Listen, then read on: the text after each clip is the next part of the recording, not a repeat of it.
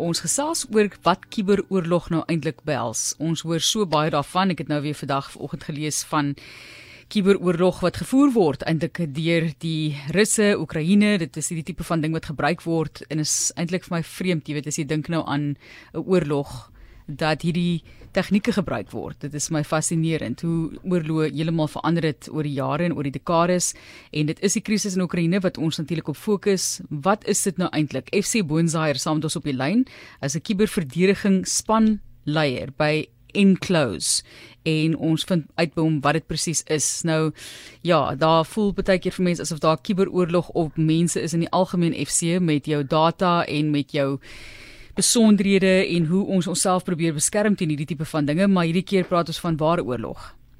Ja, ehm um, normaalweg is ons altyd ehm um, aan aan die aan die aanval, maar ehm um, met spesifiek met die lande en kuberoorlog wat hulle voer, gaan normaalweg oor twee goeters um, van die Russe, is dit normaalweg 'n sabotasie van die infrastruktuur. Ehm um, en dan aan die ander kant China is vir intellektuele eiendom waarvoor hulle die aanvalle doen sodat hulle kan kompeteer in in die markte.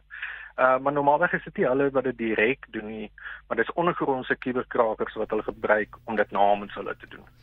Ja, ek weet ek praat dan hier van heeltemal anders, iets heeltemal anders, maar uh, mense kom ook agter dat inligting en dit is tog in die kuberruim wat inligting ook gedeel word, uh, is 'n groot aspek ook hierso voordat ons verder gesels oor ware kuberoorlog, maar die vals inligting, die fop inligting wat mense beweer wel gedeel word en ek sê beweer hierso, maar is, 'n deel daarvan of praat ons regtig net hier van ware kuberoorlog? Ja, daar daar is inligting wat ook ehm um, natuurlik gesaboteer of of uh voorgesoek word. Uh normaalweg is word dit um, baie stil gehou.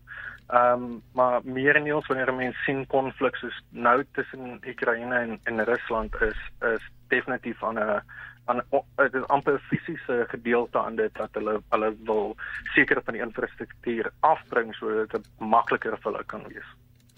Nou hulle sê byvoorbeeld ook in die nuus en dit hang af wat jy lees, nê? Nee? 'n uh, Kuberaanval ja. kan tot oorlog oorlog lei, maar dit is onwaarskynlik sê hulle wel. Maar hier is ons nou. So neem ons net deur die stelsel van wat kuberoorlog presies behels.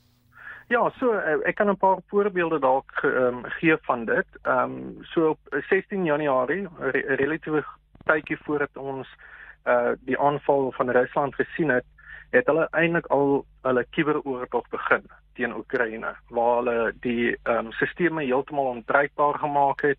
Ehm um, en soortgelyke tydperk het ehm um, was ook gesien met die anneksasie van ehm um, Crimea in 2014. Ehm um, dan kan ons 'n bietjie aanskuif, dit was die die Stuxnet aanval op die, op Iran se kernprogram. Ehm um, wat jy weet meer van die Amerikaners afgekom het ehm um, en daar is vele verslagte wat sê dit het daai kernprogram geweldig agter gesit.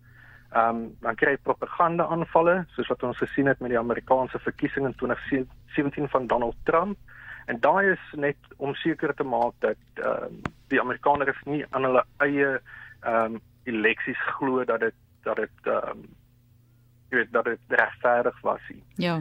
Uh, en dan in 20 van 2014 tot 2016 teen die koste van omtrent 50 miljard dollar ehm um, was daar 'n Russiese kuberkrakergroep wat die Oekraïense vuurpyl en artillerie magte aangeval het. Ehm um, en dit het veroorsaak dat hulle tot 80% van daai howitzers vernietig moes word. Sjoe. Ons gesels oor kuberoorlog. As jy 'n vinnige vraag het, kan jy gou nog stuur op die SMS lyn, dan kan ons vir hom vra FC Boonzaier aan die woord 45889 dis rand 50 per SMS.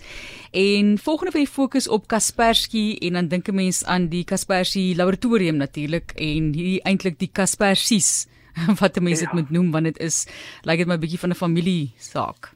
Ja, so uh, Duitsland het uh, so 'n paar dae terug gepraat van ehm um, dat die mense moet probeer om vir my om Kaspersky produkte te gebruik.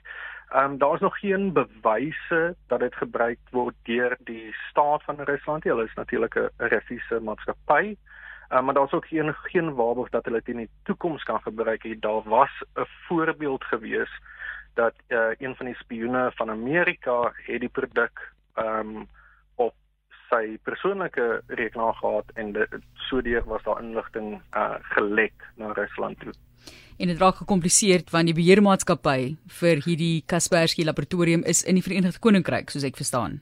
Ja, maar die die ehm um, oor dit begin het is is 'n rus. So uh, dit is nou alles nog altyd baie trots Russies. Ehm um, en en dieselfde ehm um, kan ook gesê word ehm um, jy weet aan die Amerikaanse kant maar Duitsland het spesifiek gesê gepraat teen dit. Ehm um, en dit is ook al 'n sanksie teen teen die Russe. Hoe beveg mense dit FC? Is dit maar 'n geval van jy het jou span en hulle het hulle span soos enige vorm van militêre oorlog gewoonlik en jy kyk hoeveel skade jy kan verrig? Dis korrek. Ehm um, daar is nog nie heeltemal wette wat uh, wat gestig is om dit te kontroleer nie. Dat dit dit is amper al geklassifiseer soos 'n fisiese 'n bomaanval uh, in jou land. So Amerika Amerika sal dit aansien as as 'n aanval op op hulle land en hulle mag dalk fisies reageer teen dit. Ehm um, die Amerikaners doen al vir skep afgelope twee dekades wat hulle oorlogspeletjies doen en ehm um, dit word uitgesaai wat die die spanne te mekaar uh, in in die kuberruim beklei om om seker te maak hulle simuleer hoe dit gaan wees as as dit regtig moet gebeur en wat gaan hulle doen om terug op die voet te kom. Ek dink FC as jy mens gaan kyk na ehm um, Israel en die Palestynë, die tipe van manier waarop die vuurpyle in die lug uitgehaal word, nie nie fisies uh, mense wat daar staan en jy weet met 'n vuurpyl teenaanval of 'n vuurpyl rigter staan en skiet nie, maar ehm um, dat hulle dit op daardie manier doen is amper 'n elektroniese oorlogvoering.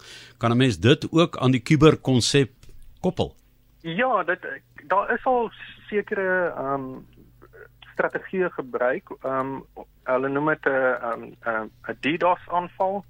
Ehm um, dit het hulle gedoen eintlik aan al twee kante so die mense wat vir Rusland het, het dit teen Oekraïne gedoen en dis hoekom hulle die Starlink ehm um, satelliete moes gekry het om uh, om internet te behou en dan ook so so meer dieselfde aan die Ruslandse kant so ehm um, die westerse lande wat ehm um, probeer om te stop dat hulle glad die internet het nie.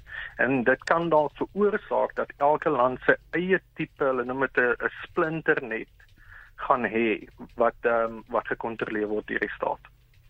So 'n ander vorm van vrees nê wat by jou ingeboesem word want want oorlog is baie op vrees gebaseer. Ja. Hulle skiet 'n plek plat, hulle skiet jou geliefde dood, iemand word ehm um, beseer om jou jy jy daai ehm um, fisiese verlies om jou, maar dan het jy ook goed waaraan jy niks kan doen nie. Byvoorbeeld ons het rekeninge waar's nie ons geld sien soos in 'n kluis nie. Ons weet dit is in die bank maar het ons heeltemal beheer daaroor of kan iemand anders dit op hierdie manier vat en ek dink oorlog begin amper in dieselfde vreesfaktor inbeweeg.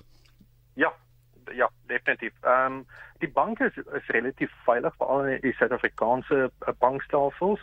Uh, hulle is baie beheer oor uh, sekuriteit. Ehm um, maar jy weet dit die die aanvalle is nie so soveel finansiëel nie maar dit het 'n fisiese altyd 'n fisiese eienskap aan dit. So dis of die krag aan hulle uh, stelsels bring hulle af of val hospitale aan sodat jy jy weet al verlies van lewe is daardeur. Ehm um, of jy weet hulle maak jou jou trein ehm um, skeduleringsprogramme maak hulle absoluut so so jy kan nie eens jou infrastruktuur gebruik nie